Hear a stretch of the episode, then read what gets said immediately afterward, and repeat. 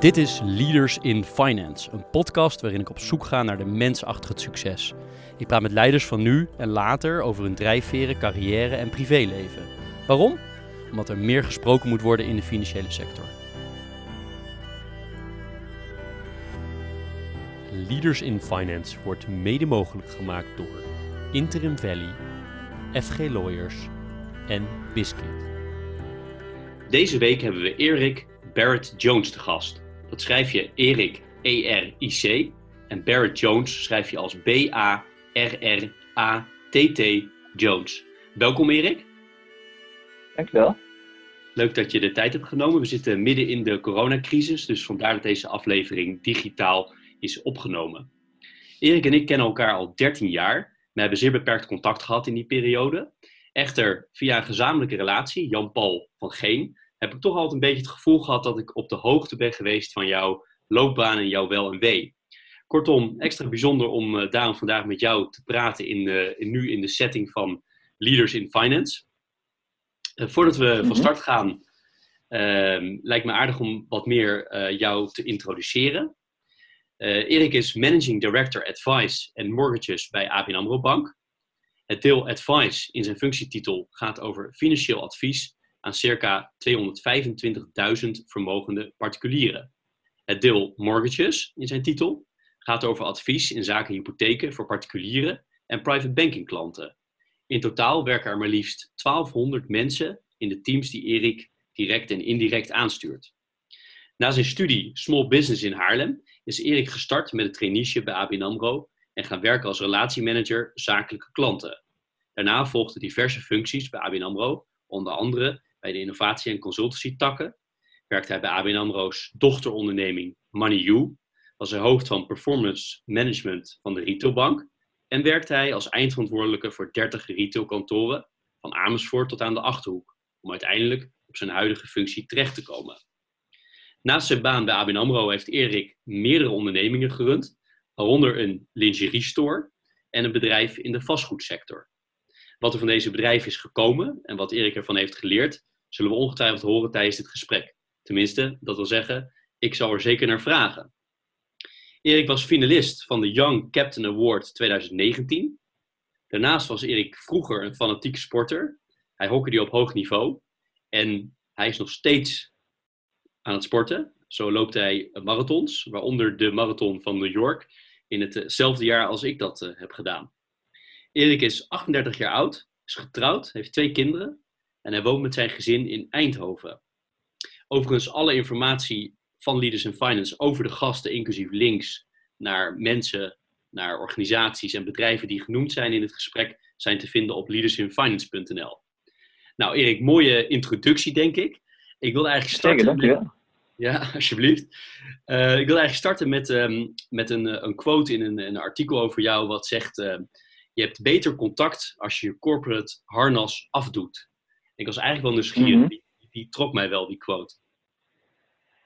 Ja, daar heb ik uh, woord lang over gedaan om uh, dat ook te ontdekken, maar ook uit te spreken. Um, die quote komt uit een interview vrij recent, naar aanleiding van mijn deelname aan Young Captain. En wat ik daaraan over heb gehouden is, naast veel inzichten over mezelf, ook een gevoel van verantwoordelijkheid. Om um, misschien wel te vertellen uh, wie ik echt ben en hoe ik hier ben gekomen. Want op een gegeven moment uh, zie je een beeld van iemand en uh, daar schuilt een ander verhaal achter wat je niet vaak hoort. En dat geldt ook bij mij. Ik heb jarenlang eigenlijk niet verteld hoe ik ooit in het leven stond als tienjarige jongen, omdat ik me daar beschaamde. En die schaamte heb ik eigenlijk jarenlang meegenomen in mijn hele carrière, ook bij de bank, in misschien al mijn eerste acht jaar. maar die ik langzaam van me af ben gaan schudden. Uh, en ook ben gaan uiten. Dus wat was dat dan? Ik ben ooit, uh, uh, toen mijn ouders gingen scheiden op tienjarige leeftijd, hebben ze me op een basisschool het advies gegeven om naar LOMschool te gaan. En LOMschool is een onderwijsvorm, eigenlijk de, de laagste vorm van basisonderwijs zoals we dat kennen. en dat was behoorlijk impactvol, zeker voor een zeer verlegen jongen op die leeftijd. En daar heb ik me eigenlijk altijd voor geschaamd, want ik dacht van ja, ik ben dom of ik ben anders. En dat beeld wilde ik nooit kenbaar maken, want dat maakte me kwetsbaar. En ik dacht ook, toen ik begon met werken, van nou, ik moet boksen, ik moet vechten, ik moet laten zien dat ik de beste ben. En ik moet absoluut mensen geen aanleiding geven om daaraan te twijfelen of te denken dat ik dom ben. Ehm, dus dat heb ik ook lang voor me gehouden, waardoor ik ook een beetje apart gedrag vertoonde. Uh, bijvoorbeeld dat uh, kwetsbaarheid is het teken van zwakte. Laten we niet zien. Leider staat voor zijn groep. Heeft overtuiging, heeft, zelf, heeft zelfvertrouwen. Terwijl ik nu het besef heb dat je echt succesvol kan zijn in het leven, maar ik denk ook gewoon in business. Op het moment dat je tevreden bent wie je bent en open durft te zijn over wie je bent en waar je voor staat. En daarmee ook verbinding maakt. En die verbinding zorgt dat je ook daadwerkelijk in goede en slechte tijden met elkaar het verschil kan maken. Dus dat is nou, mijn afdronk van die, van, die, van die quote. Heb je naar aanleiding van die openheid ook veel verhalen gehoord van mensen die je anders niet gehoord zou hebben? Ja, dat, brengt me wel terug aan die tijd in, uh, in Amersfoort in de Achterhoek. Uh, dat was de eerste keer eigenlijk dat ik voor een grote club uh, mensen stond. Ik dacht van ik ga het anders doen. En ik ga de echte Erik laten zien. En ik ga experimenteren met die kwetsbaarheid. En het was bij mijn eerste kick-off en introductie eigenlijk aan de mensen in de regio eh, dat ik dit verhaal vertelde. Mijn levensverhaal, eigenlijk een levenslijn.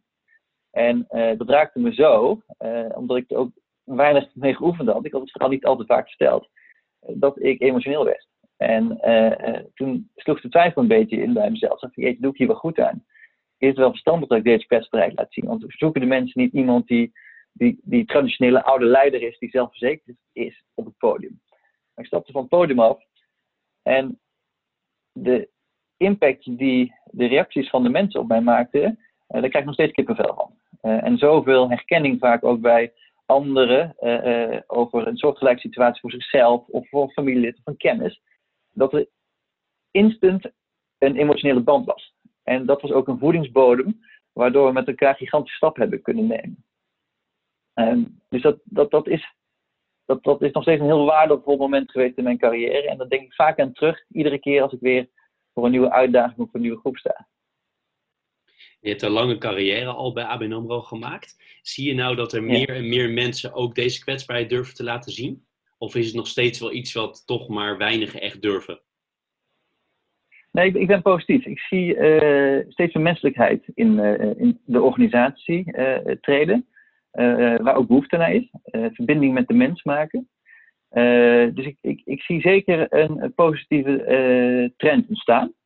Uh, ik denk wel dat het belangrijk is dat uh, mensen dit blijven doen en hun eigen verhaal en kwetsbaarheid naar voren brengen. Op allerlei niveaus. want we hebben nog wel een weg te gaan met elkaar. Kan jij ook wat delen over um, de diverse business units die je aanstuurt. Want het is voor mij heel indrukwekkend dat iemand van uh, eh, 38 jaar al meer dan 1000 man indirect uh, managt. Kan je nog iets meer delen aan, aan getallen of aan ehm, toelichting op wat, wat de units precies zijn? Ja, um, het, is, het is vrij breed. Het, is, het gaat van financiële planning tot maatwerkfinancieringen. En dan moet je denken aan financieringen van commercieel onroerend goed. Maar ook, we hebben sectorspecialisme voor de medische sector. Dus als je een medische ondernemer een financiering wil doen, gerelateerd aan zijn onderneming. Um, dat valt allemaal binnen de adviessector. private banking is wellicht een herkenbaar uiting daarbinnen, vanuit AMRO, voor onze top retail klanten. En daarbij voor het mortgage gedeelte, het hypotheekgedeelte was meer overzichtelijk. Dat zijn eigenlijk onze hypotheekadviseurs voor al onze retail en private banking klanten. Uh, zij zitten verspreid door heel Nederland en worden aangestuurd door in totaal 12 regio-directeuren. Geeft dat een beetje duiding? Absoluut. En hoe is de, de verhouding in, jou, in jouw teams uh, tussen mannen en vrouwen, tussen leeftijden, uh, tussen mensen die al lang en kort bij de bank werken? Kan je daar nog iets over zeggen? Ja, we hebben uh, 2,5 jaar geleden een vrij drastische keuze gemaakt door van een hiërarchische organisatie naar een zelforganiserende organisatie te gaan. Niet zelfsturend, maar zelforganiserend. En dat wil zeggen dat in totaal werken er 3000 uh, eh, medewerkers in personal banking, waar ik dus een van de directeuren van ben. Um, en wij hadden daar uh, eh, 2,5 jaar geleden ongeveer 278 leidinggevenden en zes managementlagen. Nou, je kan je voorstellen dat de besluitvorming vrij stroperig verliep. Uh, en dat de empowerment bij de medewerkers ook wat te wensen overliet. Um, dus wat hebben we gedaan? We hebben op 1 juni 2018 de draai gemaakt naar zelforganiserende teams en zijn doorgegaan met 25 leidinggevenden in totaal en 60 teamcoaches. Dus we hebben afscheid genomen van meer dan 80% van onze uh, managementlagen. Uh, waarom? Omdat we denken dat op het moment dat er meer verantwoordelijkheid en meer autonomie in het team zit, dat het werk ook leuker en fascinerender wordt, maar ook dat er meer creativiteit ontstaat en de besluitvorming beter en sneller gaat. Om die reden hebben we ook onze bestaande managementlaag tussen de 28 leidinggevenden, waar er 12 in mijn verantwoordelijkheid liggen, uh. En uh, is wel een vrij jonge groep ontstaan. En wat is jong? de jongste teammember is, goed nadenken, 29. En mijn meest senior zit midden 40. En de verhouding man-vrouw is, uh, volgens mij is 50-50, ja. 50-50. En waar ik ook nieuwsgierig naar ben, is uh, je hebt uh, bediend honderdduizenden klanten, hè, zoals we in de inleiding hoorden. Hoe, hoe, hou je nou voeling bij wat die klanten willen als er zoveel zijn?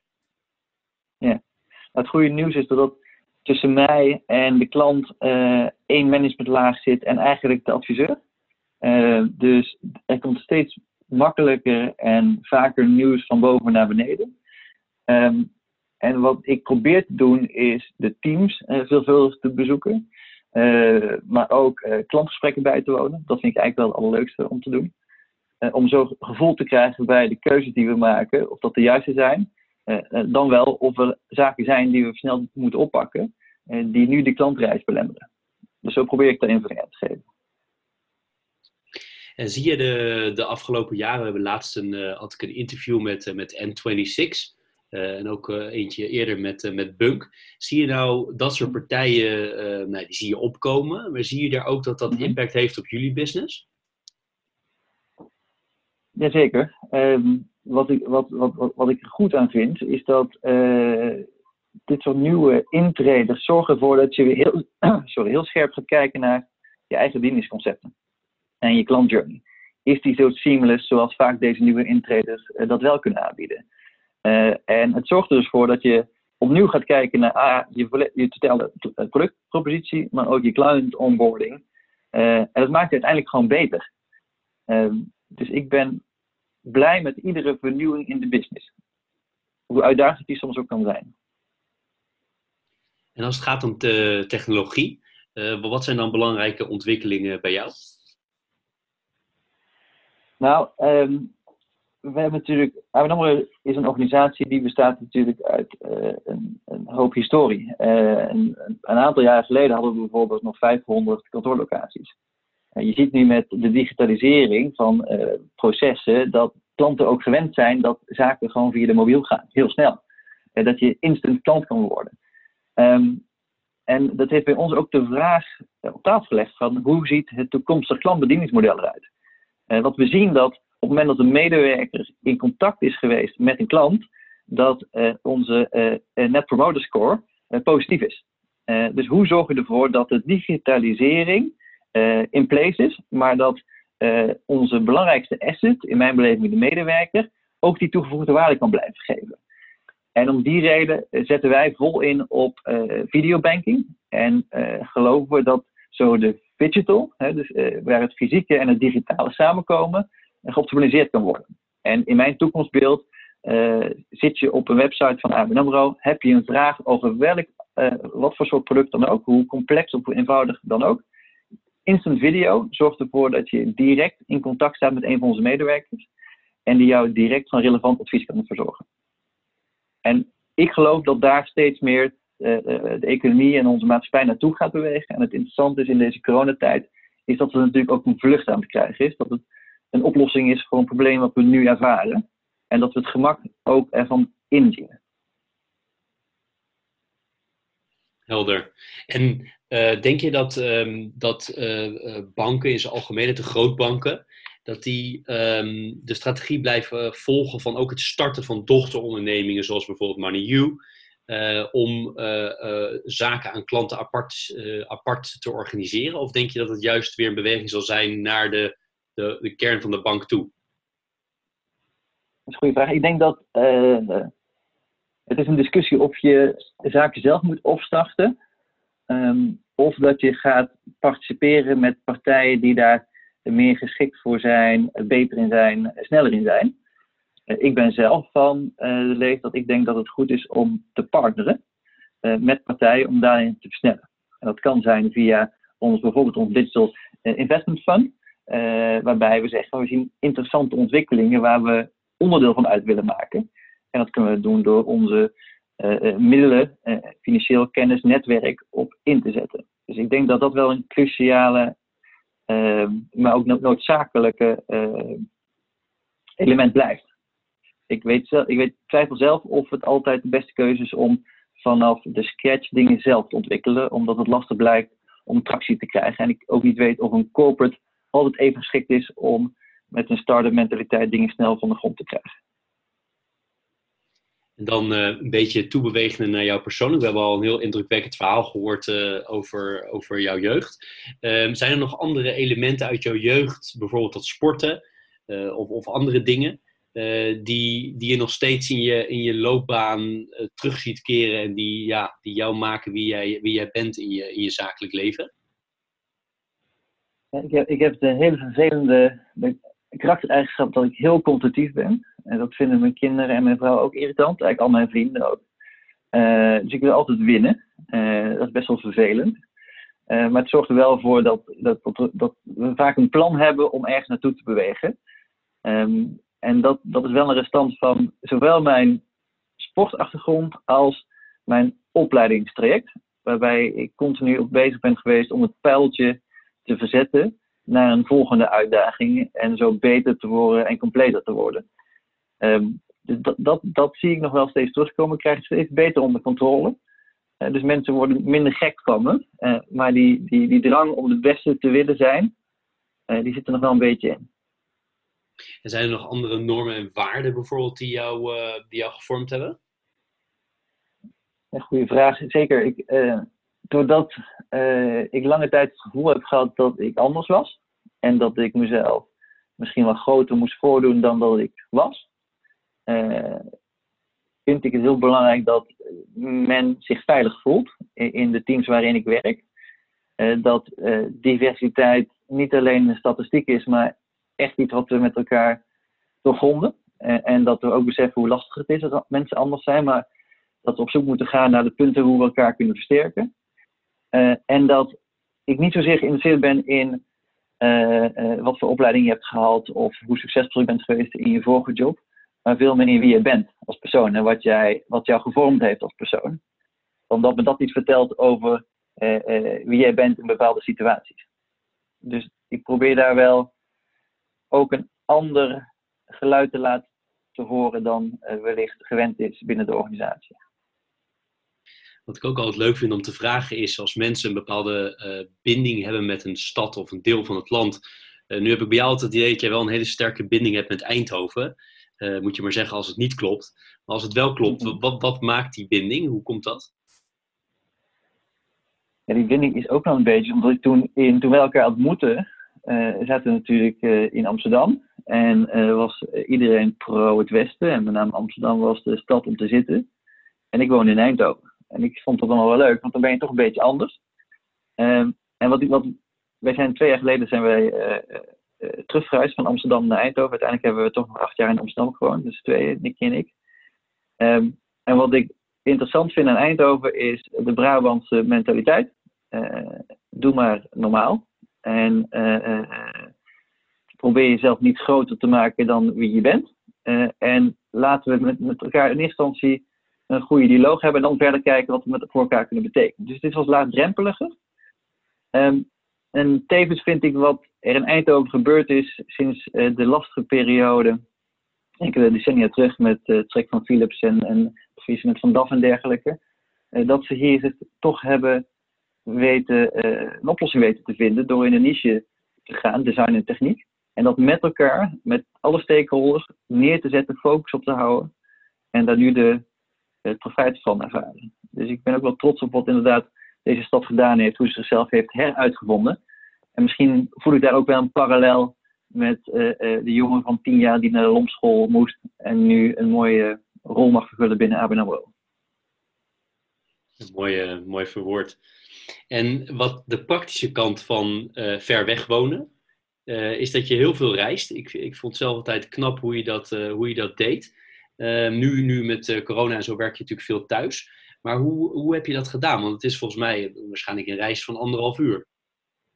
Enkel. Klopt. Het is, uh, ja, het is uh, zowel met de auto als, als, je, mee, als, je heel vroeg bent uh, ook na een uur en kwartier. De trein anderhalf uur van deur naar deur. Um, ik moet zeggen, ik, ik geef de voorkeur aan de trein. waarom? Omdat ik, ik, ik, hoef niet over te stappen. Ik ga zitten, ik doe mijn laptop open. Ik, ik werk mijn mail weg, ik lees wat. en ik kom schoon thuis, zoals ze het noemen. En dat bedoel ik dat ik hoef niet meer in principe, als ik het goed doe, mijn laptop open te doen. ik heb tijd voor mijn kids als ze nog niet in bed liggen, voor mijn vrouw. Ehm, dat, dat werkt heel prettig. Dus die anderhalf uur, als ik, dicht, als ik toen bijvoorbeeld in Amsterdam woonde, dan kwam je dan toch, of je bleef langer op je werk, of je ging naar huis toe en klapte je laptop daar nog open. Het geeft mij meer rust. Dus die drie uur op een dag in de trein zijn ook wel een beetje Erik tijd. Uh, die kan ik invullen hoe ik dat zelf wil. En dat, dat geeft mij wel een prettig gevoel. Dus het breekt me nog zeker niet op. En dan uh, de bedrijven. Want dat is natuurlijk heel interessant. Je werkt voor een, uh, voor een, een, grote corporate, een grote bank. En toch heb je daarnaast allerlei ondernemende activiteiten ontwikkeld. Kan je daar meer over vertellen? Ik, ik had altijd de, het beeld van... Je kan niet zeggen dat je ondernemend bent als je 14 jaar voor ABN AMRO werkt en SEC voor ABN AMRO gewerkt heb. Daar had ik, een, daar had ik wat moeite mee, merkte ik toen ik net binnen was bij deze organisatie. En ik had mezelf voorgenomen van ik wil niet zo'n man zijn die zegt dat hij ondernemend is en enkel maar één keukengezin heeft. Uh, toen heb ik een sabbatical genomen van een half jaar. En ik kwam met twee uh, voornemens terug. En een van die voornemens was, ik wil mijn eigen onderneming hebben gestart. Ik wil voelen hoe het is om te ondernemen met je eigen geld. Dan komt de vraag, maar wat dan? Nou, dat, dat, blijkt, dat blijkt een struggle. En ik merkte al snel dat we op zoek waren naar het kip met het gouden ei. Tot er enkele ondernemers spraken en die zeiden, je moet gewoon gaan doen. En doen, die vier letters, is ook wel hetgeen wat ik overgehouden heb aan mijn ondernemende driften. Uh, je moet niet praten, je moet doen, ervaren, bijsturen en dan weer doen. En wat me ertoe geleid heeft, is eigenlijk uh, ook wel om mezelf te challengen. Van, kan ik het wel? Durf ik het wel? Want ik kan je vertellen, het is heel anders op het moment dat je al je spaargeld en een stukje lening bij een bank investeert in iets wat jij dacht dat op papier een leuk idee was. En als we die bril, en die probeer ik ook mee te nemen in mijn dagelijkse uh, doen en handelen binnen de bank. En uh, kom gewoon de simpele vraag te stellen, als mijn geld zou zijn, als mijn onderneming zou zijn, zou ik dezelfde besluiten dan nemen? Ja, dat werkt heel verhelderend. Wat vond, uh, wat vond jouw werkgever van deze ondernemende activiteiten? Ja, ik, ik moest dat uiteraard toen de tijd melden. Uh, dat heb ik ook op Braaf heb gedaan. En, en die waren er wel oké mee. Het werd uh, ondersteund doordat mijn omgeving mij stimuleerde om buiten de bank te, blijven kijken en deze elementen mee te nemen. dus er werd eigenlijk altijd wel heel positief naar, naar gekeken. Ik ben een dag minder gaan werken. En dat was op de vrijdag. En dan had ik de vrijdag en de zaterdag en de zondag om de onderneming vorm te geven. Ik samen met een goed vriendje van me, die zat er fulltime in. Um, maar ik heb er eigenlijk louter positieve reacties op gekregen van de bank. En dat heeft me ook eigenlijk heel veel goed gedaan. Want ik denk dat op het moment dat je tegen mensen gaat zeggen dat ze iets niet mogen, terwijl ze ambities willen nastreven, dat dat ook geen goede combinatie is. En ook niet het antwoord is waar de, de samenleving eh, eh, maar ook talenten op zitten te wachten. En hoe is het uiteindelijk gelopen met je bedrijven? Bestaan ze nog? Of zijn ze verkocht? Of zijn ze gestopt? Of hoe is dat gegaan? Nou, ik, ik heb geleerd dat ondernemen heel lastig is. Uh, wij starten, de, de lingerieonderneming zijn we gestart in uh, eigenlijk de piek van uh, de toenmalige crisis. dat is gewoon een hele lastige tijd geweest. En we zijn gelukkig uiteindelijk wel in staat geweest om het bedrijf over te dragen. Maar ik kan nou niet zeggen dat we hier geld op verdiend hebben. Het was een hele mooie leerschool. Ik noem het de MBA of Life. Um, waarbij we heel veel fouten gemaakt hebben, maar ook heel veel mooie dingen met elkaar samen gedaan hebben. Dus die heeft nog een paar jaar Het bestaat, voor mij bestaat de website zelfs nog, maar wordt niet meer actief uitgeoefend. Tenminste, dat is de laatste berichtgeving die ik ervan heb. Ehm, en mijn tweede onderneming, daar hebben we, hebben geleerd dat ook met een stukje kapitaal, want ik had 20% van mijn belang verkocht aan een investeerder. En dat voor een significant bedrag. daar waren we met uh, vakkundig in drie maanden doorheen gebrand. Met geen tractie. Of nagenoeg geen tractie. En daar ervaarde je hoe lastig het is om ook gewoon te zeggen: we moeten stoppen. Het is gewoon misschien een goed idee, maar misschien is de tijd of de markt er niet rijp voor. Uh, en dat zijn toch hele pijnlijke beslissingen, ook als daar je eigen geld in zit. Denk je dat je nog wel eens een onderneming zal starten? Uh, merk wel dat ik het nog steeds interessant vind. Uh, veel respect voor ondernemers. Ik heb wel geleerd dat uh, de start-up world een ander ondernemer vraagt dan de scale-up world of een nog volwassene organisatie. dus een start-up zie ik mezelf niet meer zo snel instappen. een scale-up waar ik wellicht mijn kennis en ervaring vanuit grote corpus kan meebrengen, dat sluit ik niet uit. Je vertelde in het begin over hoe je naar een veel plattere organisatie bent gegaan. Um, en in een van de uh, stukken die ik aan, aan, voorbereiding heb gelezen over jou, uh, zeg je ook dat dat ertoe leidde dat je veel meer e-mail uh, ging, ging krijgen. Nou, je kreeg waarschijnlijk al veel. En dat roept bij mij de vraag op, riep bij mij de vraag op. Um, hoe, hoe deal jij met de hoeveelheid e-mail die je krijgt? En waarschijnlijk honderden per dag. Hoe doe je dat? Want veel mensen worstelen daarmee, inclusief mijzelf. Ik ben er zelf ook heel erg benieuwd ernaar. Eh, tip 1, eh, zorg dat je ver van je huis gaat wonen. Stap in de trein en ga zo je e-mail wegwerken. Nee, uh, wat ik probeer te doen is, uh, ik heb wel goed e-mail management. Dus ik, heb, ik zorg ervoor dat ik één box heb voor de dingen die ik echt moet doen. En de rest is of interessant te lezen of TCT antwoorden. en ik probeer heel specifiek te zijn in hoe ik reageer in mijn e-mails. Waarbij ik in ieder geval niet alleen een antwoord of een suggestie probeer aan te geven, maar in ieder geval een denkrichting. En de verantwoordelijkheid zo snel mogelijk uh, weer teruglegt naar degene die de mail stuurt. Zodat je zo min mogelijk uh, op en neer e-mailverkeer krijgt. Dat blijft overigens wel lastig hoor, maar het boek wat ik daarover gelezen wat me altijd geïnspireerd heeft, is de 4-Hour Workweek van Timothy Ferris. En die heeft hier ook hele praktische tips voor. Met het idee om ervoor te zorgen dat je leven zo efficiënt mogelijk ingericht is. Dus dat is wel even een leestip die ik je wil meegeven. Leuk, nee, ik ken het. Een inspirerend, uh, inspirerend boek. Um, wat ik ook uh, interessant vond om naar te vragen is, uh, je hebt het in een, op een aantal plekken op het web over, over talenten.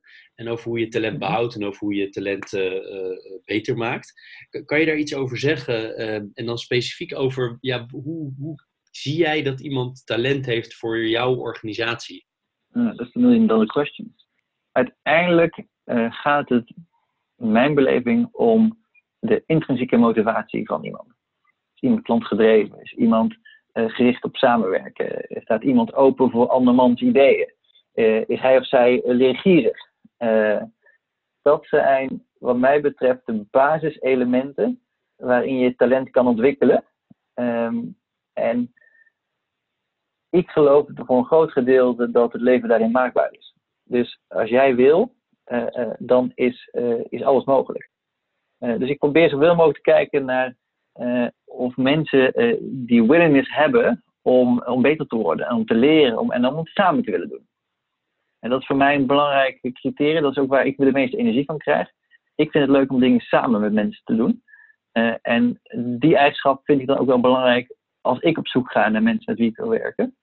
Dat dat terugkomt. en dan mogen we op vele vlakken zo divers als mogelijk zijn. Zolang dat element maar goed geborgd is. Is dat een beetje antwoord op je vraag? Absoluut, absoluut. En uh, je hebt veel aandacht gekregen in 2019 met je nominatie voor de Young Captain Award. Kan je daar iets meer over zeggen, wat dat, uh, wat dat inhield en uh, wat jij eraan aan hebt gehad? Ja, het was, ik was verrast dat ik uh, ABN mocht vertegenwoordigen in, in, in dat programma. En het is gaaf dan om met, je begint met 50 peers aan zo'n programma. Uh, om weer even te, met elkaar te delen waar, waar loop je tegenaan, wat zijn, wat zijn de dilemma's. Een beetje het traineeship gevoel van, uh, van 14 jaar geleden. Uh, En het was voor mij ook wel het moment dat, ik- dat, dat ik was wel trots in de zin van dat ik als iemand met een iets wat atypisch profiel voor de bank eh ABN mocht eh, vertegenwoordigen.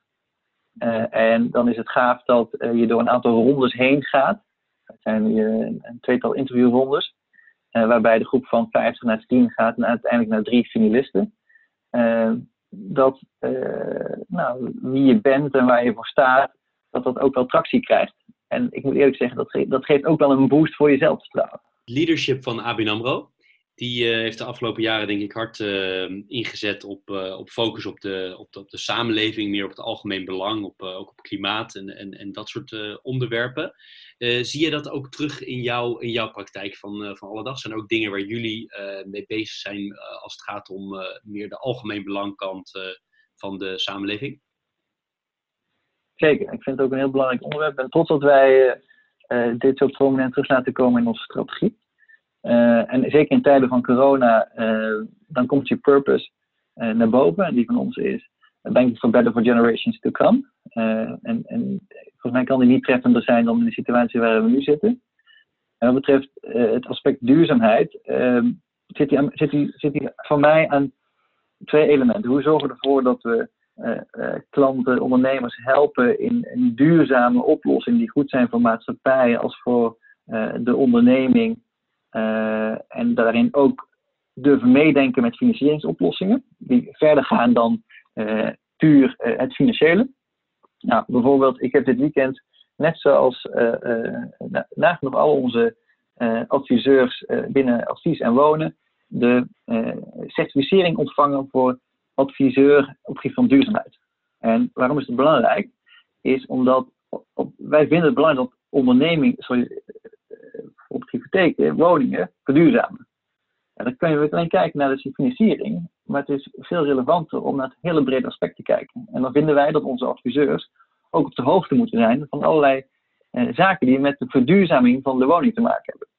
Nou, en tegelijkertijd biedt het ook weer een kans om onze rol op het gebied van advies te vergroten.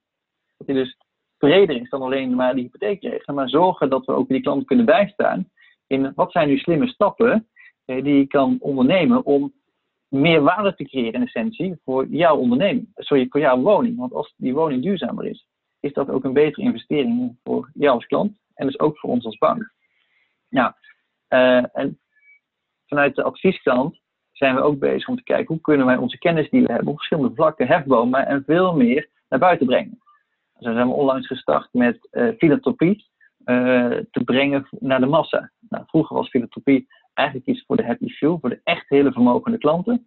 Eh, terwijl er een grote behoefte is aan eh, onze overklanten om ook gericht met hun geld goede dingen te willen doen. Nou, dat inzagen, die kennis, die brengen we dus nu ook voor een veel grotere groep, zoals 5 miljoen klanten, eh, kennis kunnen krijgen over waar kan ik op een goede wijze bijdragen aan de maatschappij met eventuele donaties. Als je kijkt naar eh, mensen die nu starten met hun carrière, laten we zeggen de, de Erik van eh, eh, 14, 15 jaar geleden, eh, welke tips eh, eh, geef je hen mee? Ik neem aan dat je ook wel mensen coacht. De, de, ti- de gouden tip is blijf jezelf. Blijf jezelf, blijf nieuwsgierig en blijf leren. Eh, en dat is makkelijk gezegd. Het is vaak moeilijker gedaan, want je bent toch vaak geneigd om jezelf aan te passen. Maar probeer dat zo pragmatisch mogelijk te doen.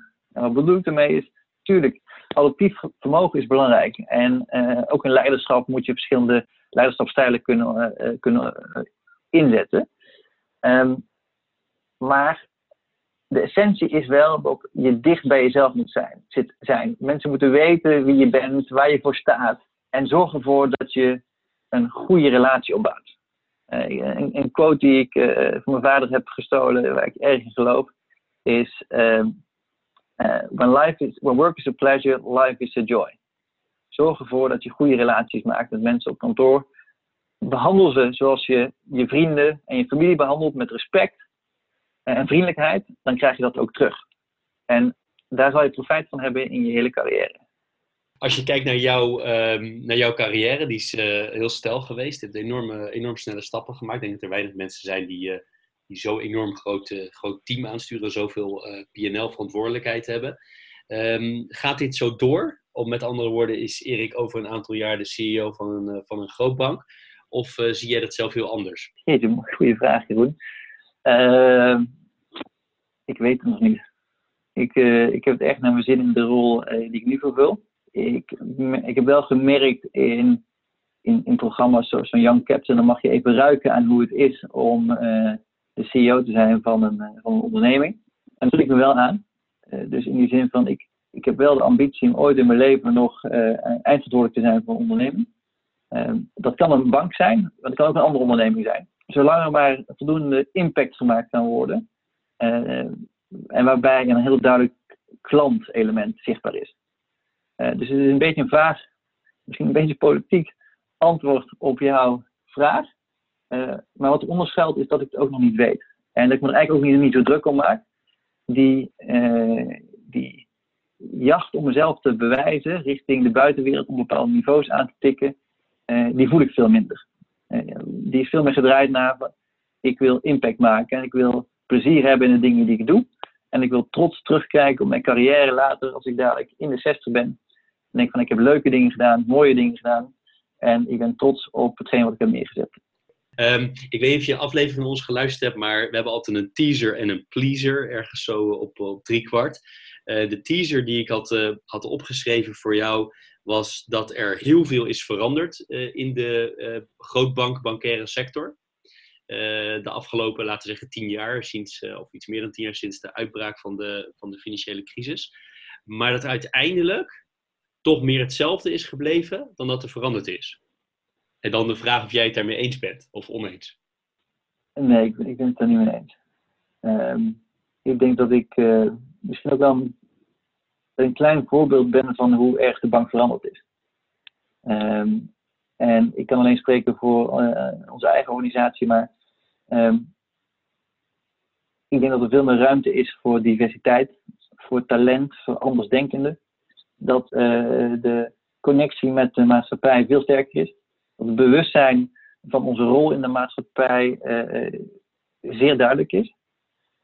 ik denk nog steeds dat we in een grote transitiefase zitten voor grootbanken in de algemeenheid. Waarbij we steeds meer moeten gaan kijken van waar onze toegevoegde waarde zit in het proces. Dat betekent ook veranderingen. Dat betekent veranderingen in hoe wij onze dienstverlening aanbieden, maar ook in ons productenpalet. Misschien ook wel een, verder aanbrengen van focus. Uh, dus die trein die beweegt nog, maar de wereld van uh, voor de financiële crisis en de wereld van nu is wel degelijk anders. En ik ben zelf ook heel trots op hoe op dit moment de grootbanken en uiteraard ook ABN AMRO acteren binnen de coronacrisis om nou, een deel van de oplossing te zijn. Um, voor nu en richting de toekomst. En aan de pleasende kant, zijn er bepaalde boeken die jou, eh, je noemde al Timothy Ferris, uh, The 4-Hour Workweek. Zijn er nog andere boeken die jij, die jij met veel plezier hebt gelezen of die veel impact op jou hebben gehad? Ja, dat zijn er eigenlijk drie. Dus, dus Timothy Ferris, The 4-Hour Workweek. Uh, dan The Seven Habits is een boek, uh, Stephen Covey. Heeft een, heeft een, enorme impact gemaakt. Ik denk nog, steeds relevant is. Je hebt ook voor mij uh, Habit Eten, heb ik zelf niet gelezen. Maar die Seven Habits is wat mij betreft een aanrader. En uh, last but not least, uh, How to Win Friends and Influence People. Dat is voor mij een boek van Dale Carnegie. Het is een vrij oud boek. niet heel dik, maar alles wat erin staat is zeer relevant. Eh, ook als je teruggaat eh, naar jouw vraag rondom van wat zou mijn tip zijn aan eh, nou, de toekomstige generatie, lees dat boek. Hoe beïnvloed je op een prettige, natuurlijke, vriendelijke manier je omgeving? Ehm, en hoe zorg je ervoor dat je vrienden maakt? En zijn dit nou boeken die jij ook herleest? Of zijn het boeken die jij, ook waar je vaak aan terugdenkt? Of hoe hebben ze met andere woorden impact op jou? Ik denk er vaak aan terug. En ik, uh, ze liggen bij mij in de boekkast. Dus af en toe pak ik er ook even weer bij en lees ik weer een uh, hoofdstukje door. Dan denk ik, oh ja, dat was iets scherper dan ik dacht. Uh, en ik, ik probeer het ook wel toe te passen in de gesprekken die ik voer met, met de mensen in mijn team, maar ook de mensen die ik coach. omdat er hele treffende wijsheden in zitten. En het zou zonde zijn als die kennis niet verder gedeeld wordt. Hoe combineer jij een hele intensieve baan en op dit moment geen ondernemingen meer naast, zover ik weet, maar toch wel een gezin? Hoe, hoe, combineer je die twee dingen en hoe zorg je ervoor dat je fysiek en mentaal fit blijft? Ja, ik, ik, probeer wel een. Nou, wat ik doe is, ik, ik probeer mijn agenda ook wel scherp te managen. Dus vrijdag probeer ik niet te reizen. Probeer ik alles via video te doen of uh, via conference calls. En een aantal zaken gewoon weg te werken uh, die ik wil weg wil werken. Uh, ik overweeg om daar de woensdagmiddag aan toe te voegen, naar deze uh, coronacrisis. Want het is gewoon goed te doen om, om veel meer gesprekken via video te doen, dus minder te reizen. Um, en ik probeer wel de tijd als ik thuis ben ook als thuistijd te zien. Uh, simpel uh, voorbeeld is, als de kinderen er zijn, dan hoeft in principe niet gewerkt. dat doe ik dan wel als dat nodig is, als de kinderen in bed liggen. En ik probeer drie keer per week iets te doen aan, aan sporten. Ehm, en daarbij heb ik de hoop dat ik dat twee keer door de week kan doen en één keer in het weekend. En dan probeer ik dat vaak voor acht uur s ochtends te doen. Door de week. En zie je dan uh, bij jezelf, uh, als je kijkt naar jouw loopbaan of bij medewerkers uh, van jou, um, vaak burn-out-achtige dingen? En hoe kijk je daarnaar? Hoe ga je daarmee ja. Nou, die, dat, dat, dat is natuurlijk wel een aandachtspunt waar we scherp op moeten blijven. De maatschappij vraagt steeds meer van ons. Werk en privé vloeien steeds makkelijker in elkaar over. Um, dus ik denk dat het is, voor mijn gevoel ligt er nog een deel een taboe op voelt als, uh, als het falen, dat je lichaam je in de steek laat of dat je het werk niet aan kan. Ik, ik zie dat totaal niet zo. Uh, ik denk dat het heel goed is om over een periode, let's say vijf jaar, even eruit stappen. om even wat te resetten en na te denken over ben ik de dingen wel aan het doen die ik wilde doen. Waarbij het belangrijk is dat we hier open voor hebben en dat we hier gewoon ook met elkaar over durven praten. Um, ik heb zelf ook gemerkt dat, uh, dat het best wel snel kan gaan. In de zin van, als er, toen ik vader word voor de eerste keer, uh, toen merkte ik aan mezelf dat dat iets met me deed. En uh, dat ik voor het eerst echt spanningsklachten ervaarde. Ik denk vanwege de druk wat, wat ik ervaarde om vader te zijn. en of ik daar wel allemaal de juiste, de juiste persoon voor zou zijn om dat goed te kunnen doen. En dat in combinatie met een uitdagende job, dat is lastig. En ik denk dat we dan ook beseft om daar open voor te staan dat het iedereen kan overkomen, ongeacht je fitheid. En om erover te praten zorgt ervoor dat het in ieder geval geen taboe is. En dat, dat je zorg hebt voor jezelf, maar ook voor je collega's. dat zij gewoon topfit zijn in privé, maar ook zakelijk. En daar dan ook de tijd voor durven nemen op het moment dat er eventjes behoefte is om, om te ontspannen. We hebben in uh, een hele korte tijd ongelooflijk veel behandeld. Ik ben uh, erg onder de indruk van hoeveel, je er, uh, hoeveel jij hebt gezegd, hoeveel interessante dingen. ik heb gehoord, ik heb heel veel dingen zitten meeschrijven die ik dacht van, hé, hey, dat is interessant om eens over na te denken. Ontzettend leuk. Ook hoe leuk, leuk om te zien hoe, hoe kwetsbaar en open je opstelt in zo'n gesprek met, met Leaders in Finance. Um, is er nog iets waarvan jij zegt, Jeroen, dat had je echt moeten vragen of dat wil ik zo graag vertellen? Of nou, iets anders waarvan je denkt, dat wil ik delen? Nou, we hebben natuurlijk, uh, ik vind het heel leuk dat wij dit uh, gesprek zo hebben. En het heeft veel te lang geduurd dat wij elkaar echt weer spraken uh, in die 13 jaar dat we elkaar gemist hebben. Ik heb eigenlijk een vraag naar jou. En, want je hebt, je hebt net, zo, net, net zoals ik een, een fantastische carrièrekans gekregen en mooie dingen mogen doen. Net jouw ambitie naartoe. Waar sta jij over vijf jaar? Tien jaar? Laten we zeggen tien jaar. Ik denk dat dat zit in de hoek van uh, wel eindverantwoordelijkheid, maar in een kleinere omgeving. Um, wat het precies zal zijn, weet ik niet, maar dat het iets is waarin ik veel kan beïnvloeden, um, het direct impact zie van wat ik doe. Uh, heb ik wel als ongelooflijk uh, leuk en positief ervaren in de, in de afgelopen vijf jaar voordat ik aan dit, aan dit tussenpensioen begon. En dat merk ik nu ook weer met deze podcast. Ik vind het ongelooflijk leuk. Het is heel veel werk. Maar ik vind het ongelooflijk leuk dat je heel veel impact kan hebben en direct resultaat ziet van wat je doet. Uh, en voor de rest uh, um, plan ik weinig op dat gebied. Het is tot nu toe altijd heel veel leuke dingen op mijn pad gekomen. uh, ik heb wel altijd in mijn hoofd waaraan dingen moeten voldoen. En dit uh, dingen die ik net noemde zijn, zijn er zeker een onderdeel van. Mooi, ik ben benieuwd. Ik ook. We gaan het, we gaan het zien misschien over een paar jaar dat we nog eens, dat we nog eens een podcast doen of elkaar natuurlijk gewoon, gewoon spreken. Voor nu wil ik je in ieder geval heel erg bedanken. Um, ontzettend leuk gesprek. Echt uh, fantastisch. En um, ik, uh, ik uh, ga je volgen zoals, zoals gezegd. En nogmaals, veel dank. Jij ook dank Jeroen. En we drinken snel even een bakje koffie als we weer naar buiten mogen. Zullen we doen. Dit was Leaders in Finance. Elke week weer een nieuwe aflevering. Elke week weer een mens achter het succes. Ik vind het belangrijk om te zeggen, deze podcast zou er niet zijn zonder onze partners. Interim Valley, FG Lawyers en Biscuit.